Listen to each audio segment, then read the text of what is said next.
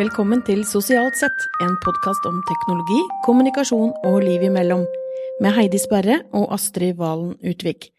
Dette er episode fem, og i dag skal vi snakke om regler og normer i sosiale medier. Synes du det er greit når folk deler sine innerste tanker, eller er utfordringen at vi alle burde dele mer enn det vi gjør i dag?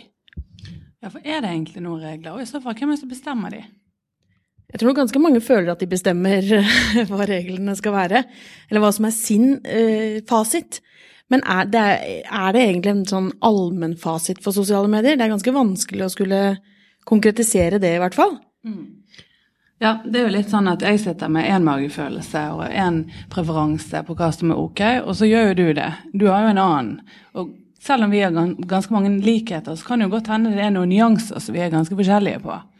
Ja, og jeg tror nesten det er for hver, hvert enkelt menneske. Alle kan vel finne noe å reagere på på alle enten temaer eller andre mennesker. Noen syns de deler for mye, deler for rart, er de kjedelige? Mm, spesielt er det at folk, andre folk er kjedelige, tror jeg. Og så er det jo dette prestasjonssamfunnet, litt sånn som vi snakket om eh, for et par episoder eh, siden, om dette med selvrepresentasjon.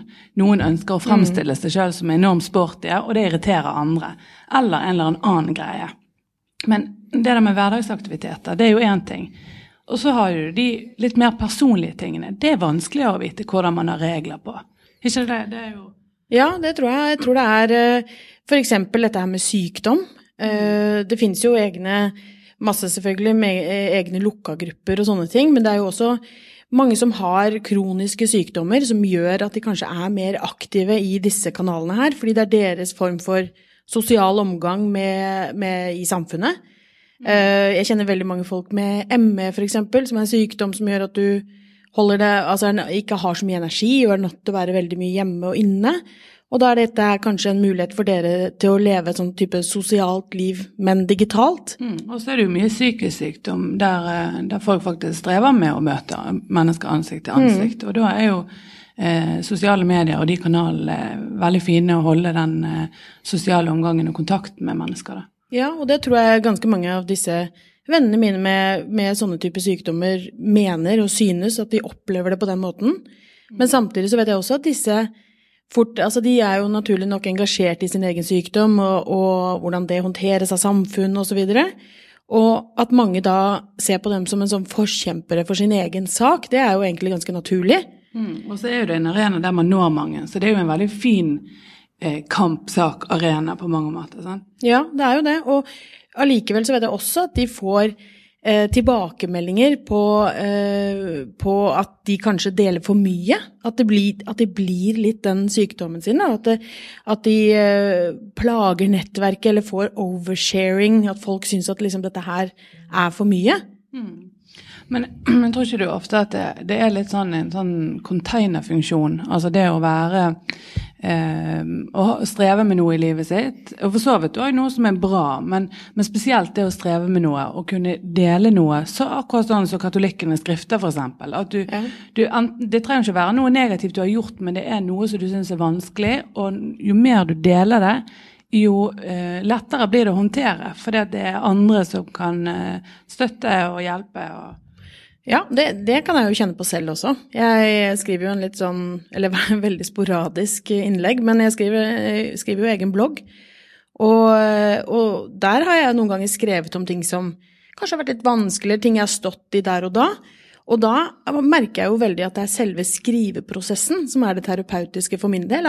Mm. At, det er en eh, veldig kjent eh, terapeutisk tilnærming, akkurat denne, disse narrative prosessene. At eh, det er faktisk noe som ofte blir brukt i en terapeutisk sammenheng. Ja, og, og, men, men allikevel så kan jeg også kjenne at når jeg på en måte er ferdig, når jeg har publisert, så er jeg ferdig med temaet. Mm. Da har jeg skrevet det av meg, og så har jeg kommet meg videre.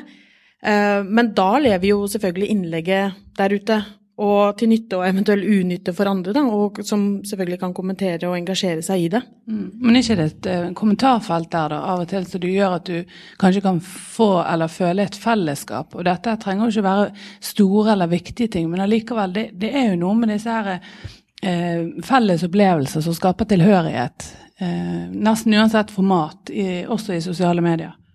Ja, det er, man, det er, klart det. Det sosiale i sosiale medier er jo naturlig nok ekstremt viktig. Og jeg tror nok at det er eh, den støtten man får, altså felles skjebne, felles trøst, men også informasjon og kunnskap, at du får støtte fra mennesker som kan noe om din sykdom eller din livssituasjon eller hva det nå er, og at du sånn sett kan få en god del bekreftelser da, og, og ting som gjør at du fungerer bedre, føler at du har bedre kontroll på din egen hverdag fordi du har dette sosiale nettverket rundt deg, da, selv om det er digitalt. Mm. Men, men, det er jo da vi kommer tilbake til dette med regler. Altså, hvor går grensen for denne åpenheten, og hvordan, eh, hvordan skal vi bruke f.eks. Facebook da, eh, når vi eh, er syke eller har et eller annet vi har lyst til å formidle? Det, det er ikke så veldig lett. Nei, det er absolutt ikke lett. Og det er Jeg tror nok at sosiale medier og generell digital kommunikasjon det flytter noen grenser for hva åpenhet er. Og spesielt når vi tenker på at Én ting er hva jeg vil være åpen med overfor deg, som er en god venninne som jeg kjenner godt. Eh, men når jeg snakker på Facebook, så kan det hende at jeg ser for meg de gode venninnene som jeg vet kanskje kommer til å kommentere og kommer til å gi meg den støtten jeg er på jakt etter, men jeg ser, tenker kanskje ikke på alle disse andre som jeg også er venner med, mm. som også ser dette her. Men allikevel så tror jeg dette her er ganske sunt for samfunnet. Eh, det at vi deler mer, gjør jo at vi også da ser mer av likhetene mellom oss. Og at ikke man er så alene da, med sin situasjon som man kanskje har trodd i utgangspunktet. Ja, og så er det der med informasjonsverktøy at noen ganger så kan jo de som ikke syns det er så lett å dele til vanlig, faktisk eh, bruke Facebook for å dele noe som er vanskelig, for å slippe å, å gå og si det til mange.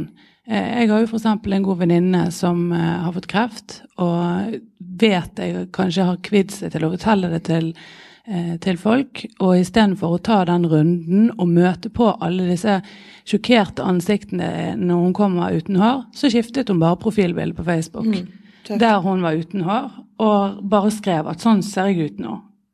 Um, og det er jo en veldig sånn det er et enormt sterkt virkemiddel, men det er òg kanskje en lettelse å slippe nettopp den vanskelige eh, prosessen det er å informere omgivelsene sine om noe så alvorlig. Da. Ja, for det må jo være tøft å skulle ta en sånn type samtale, da. Én til én til én hver eneste du møter.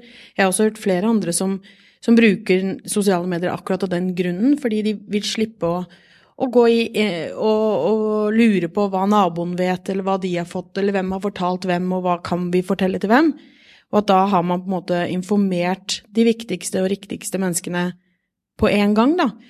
Uh, og det er uh, Sånn sett så er det jo et veldig godt informasjonsverktøy. Jeg er jo av den veldig redde og engstelige typen, så jeg, av å få vite alt dette her, så får man jo også vite om de litt skumle og kjipe delene av livet. Det kommer jo ganske mye nærmere oss som får vite alt dette også. Mm. Og det er jo Jeg vet også at det er ganske mange som kanskje vurderer da dette her med om om de vil ta denne informasjonsmuligheten eh, altså som disse kanalene er. Slippe å, å snakke med én og én. Men som kanskje er litt redd for å få en sånn form for merkelapp. Mm. At du da blir den venninnen med kreft, eller at du blir den som har mistet jobben, eller at du, at du får en sånn type merkelapp ved deg, da. Mm. Ved at du informerer det til alle. Så tror jeg òg det for fordi at mange av disse tingene vi snakker om nå, det er jo private ting. Altså selv om vi selvfølgelig vurderer forskjellig hva som er privat, så, så er jo eh, sykdom og sivilstatus og eh, en god del av disse tingene det er jo veldig privat. Eh, og det er ikke alltid lett å, å dele på denne måten her. Eh, men noen ganger er det jo omvendt òg, at det er lettere, som vi, som vi nevnte i sted. Um, og jeg har jo òg hatt et dilemma eh, litt tidligere i livet, egentlig for få år siden, der vi hadde vanskeligheter med å få barn.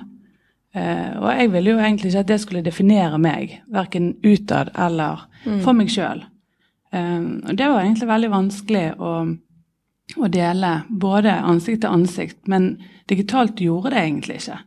Og på en måte så angrer jeg litt, for jeg, jeg syns jeg skulle på en måte tatt den eh, byrden eller den oppgaven med å bidra til å fjerne eh, tabuet. Det med, med å ikke mm. få barn, som egentlig begynner å bli veldig vanlig etter hvert. Mm. Ja, for du, du, delte jo dette med noen, men ikke, med, ikke så veldig mye digitalt, sånn i klartekst. Nei, altså jeg hadde, hadde noen ganger, for jeg så, akkurat som du, har hatt eh, blogg og egentlig hatt en sånn tilstedeværelse i, i mange kanaler i mange år. Eh, og det jeg gjorde eh, for å prøve å kanskje bidra litt, det, var, det var jo å antyde. Og da var det jo sånn at de som opplevde det samme, eller kanskje var i startgropen på noe som jeg hadde hatt, fått mange år til å eh, tilegne meg erfaringer på, mm. de skjønte hva jeg holdt på med. Og dermed så fikk jeg masse private meldinger og SMS-er som gjorde at jeg kunne bidra og hjelpe de eh, med mine erfaringer etter det. da. Så jeg, jeg gjorde det jo egentlig litt indirekte, men, men jeg, jeg torde aldri, eller jeg hadde aldri lyst til å være den som var på sitt eh, syvende forsøk, prøveårsforsøk. For det, mm. det var egentlig rett og slett for privat. Så, så ja, og det er jo forskjellige grenser altså mm. for hver og en. Og det kan jo Det er vanskelig å definere noen fasit på det, tror jeg. Eh, at du skulle ha delt mer, det tror jeg ingen skal kunne klare å hevde. Fordi eh, det at du har delt noe, er jo å ha hjulpet noen. Det tenker jeg er eh, ekstremt bra og veldig nyttig fordi du har hjulpet. Og så er det andre som kan dele mer, og så er det noen som deler ingenting. Ja, og så er det liksom måten òg. Mm. Eh, noen deler det på en sånn måte at andre syns det er ubehagelig, for det blir nesten sånn mm. sosialpornografisk. Der, eh, der du får følelsen av å, å, egentlig vite ting du egentlig skulle ønske du ikke visste. Ja. Mens andre gjør det mer eh, på en måte som eh, du er glad for å, å både høre på og Ja, at du er glad for at de gjør det. Mm. Vi har jo sett flere eksempler på det i, i media. Ja, og vi, vi har hørt jo felles på en en podkast som for øvrig bør eh, anbefales. Eh, Bra damer, som Guri Solberg eh, lager. Hvor hun intervjuer ulike bra damer, naturlig nok. Mm. For øvrig en veldig bra podkast som folk bør sjekke ut. Men akkurat i dette tilfellet så hørte vi da på intervjuet hun gjorde med Camilla Pil. Bloggeren Camilla Pil. Og hun var veldig åpen med, og har vært det på bloggen sin også, med om psykisk helse og, og, hvordan hun liksom snakket om det, både om eh, problematikken i egen familie, men også overfor sin egen, at hun selv har gått på en smell. Og, og hun var veldig eh, god på måten hun snakket om dette på. For det var ikke noe sånn som du sier med sosialpornografisk i det hele tatt. Det var bare at dette her er, bør ikke være skambelagt. Og hvis jeg kan bidra til at flere føler en form for støtte, eller flere tør å snakke om dette her, så er det både sunt og veldig bra.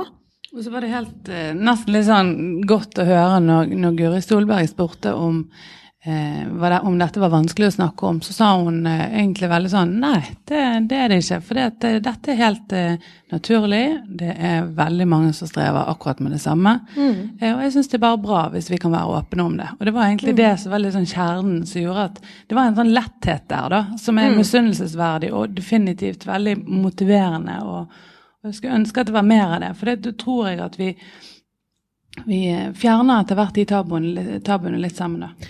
Ja, det, det, tror jeg også, og jeg er helt sikker på at uh, Camilla Pildi snakket jo også ganske mye om at uh, hun framsto, eller at hun mange nok så på henne som veldig vellykket. Hun er modell, hun er blogger, hun er sin egen merkevare.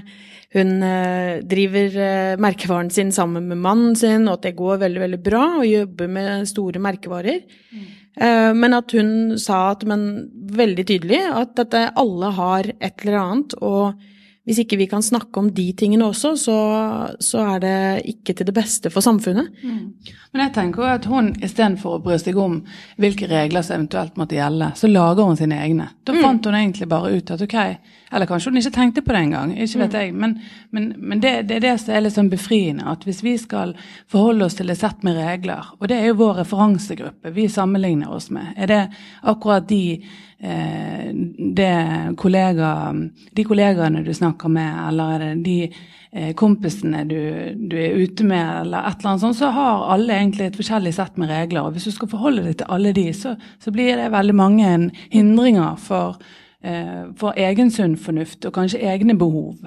Eh, så, så, man bør jo egentlig eh, gjøre mer av det med å bare se, se, litt vekk fra regler og kjenne på magefølelsen i forhold til akkurat det med å dele, i hvert fall.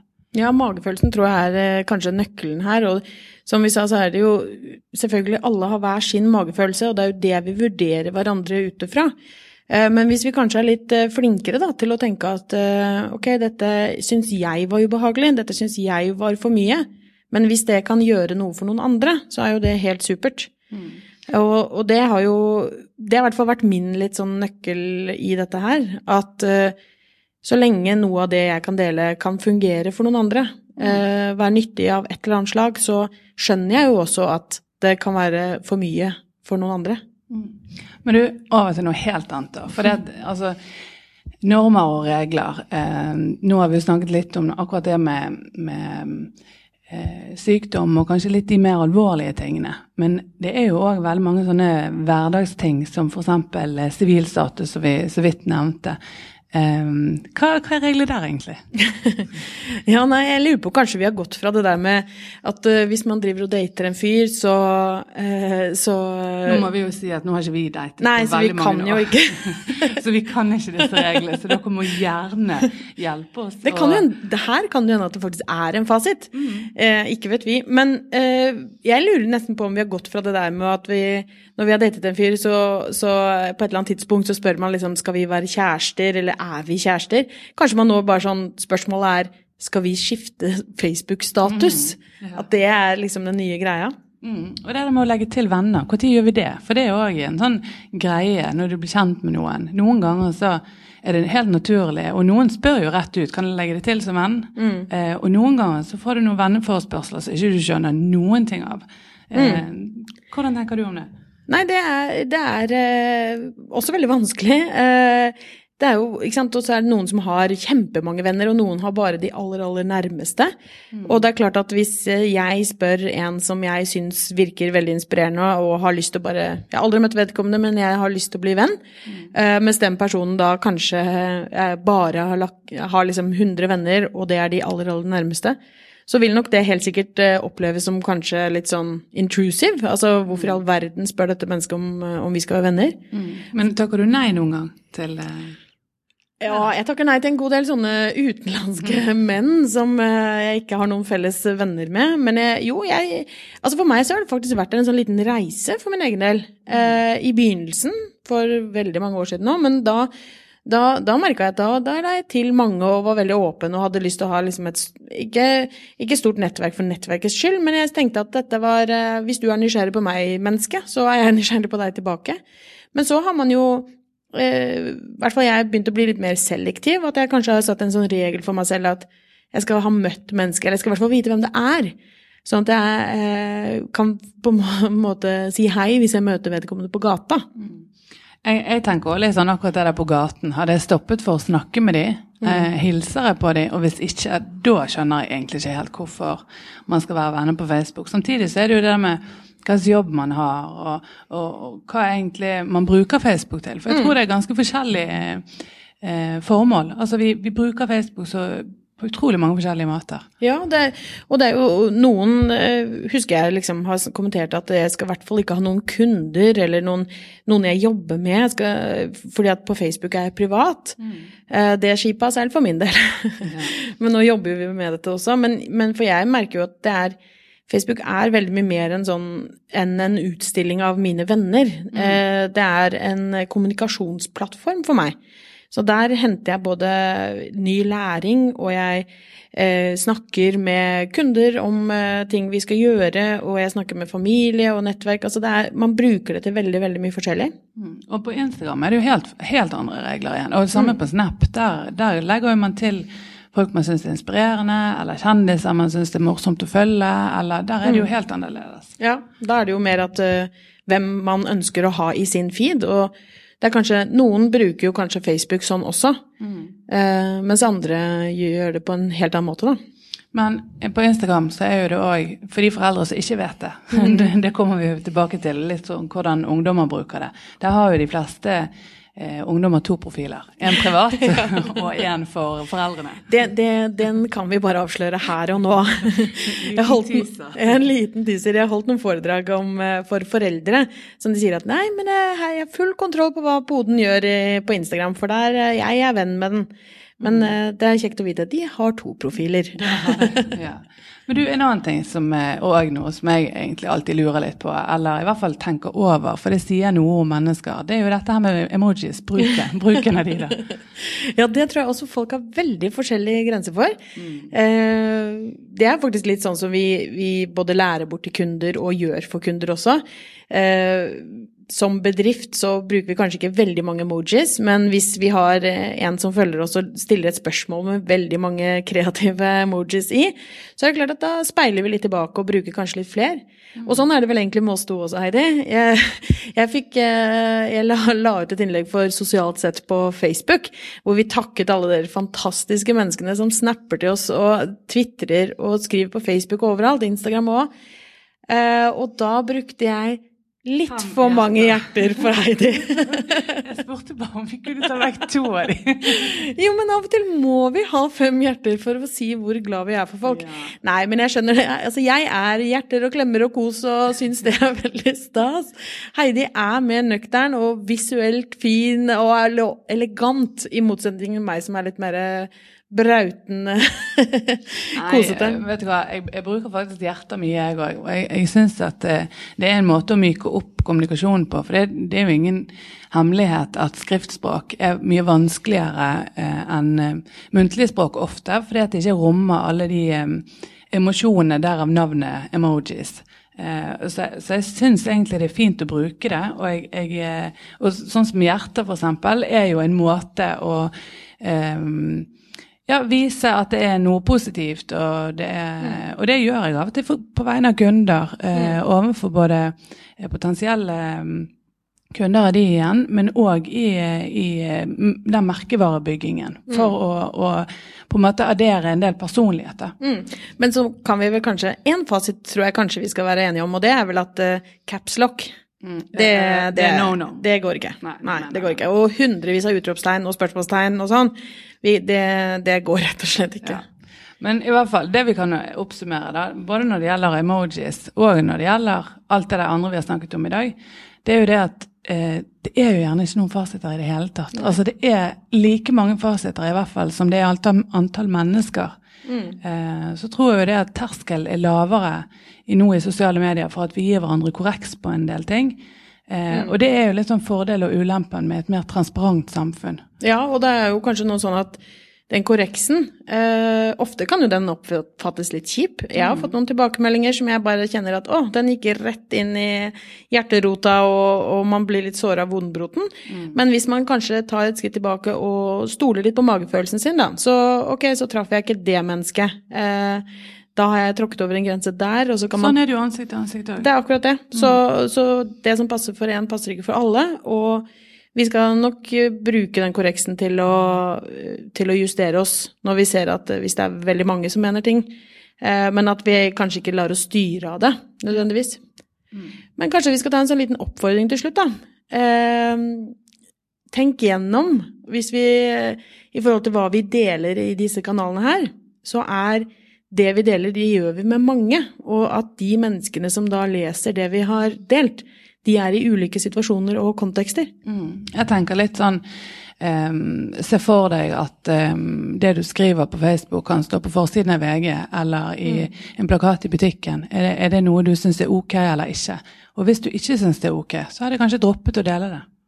Ja, og samtidig så kan vi kanskje også eh, oppfordre til at vi alle sammen skal pushe grensene våre litt. Mm. At vi kanskje kan dele litt mer helhetlig da av livene våre, og det som også er litt ubehagelig, eller det som ikke, ja, nettopp ikke går så greit. Eh, sånn at vi kanskje kan hjelpe hverandre til å bryte ned noen tabuer. Akkurat sånn som du har gjort i dag, Heidi. Veldig eh, stolt av deg, altså. Takk for det. Um, ja, og med det så tror jeg vi takker for i dag.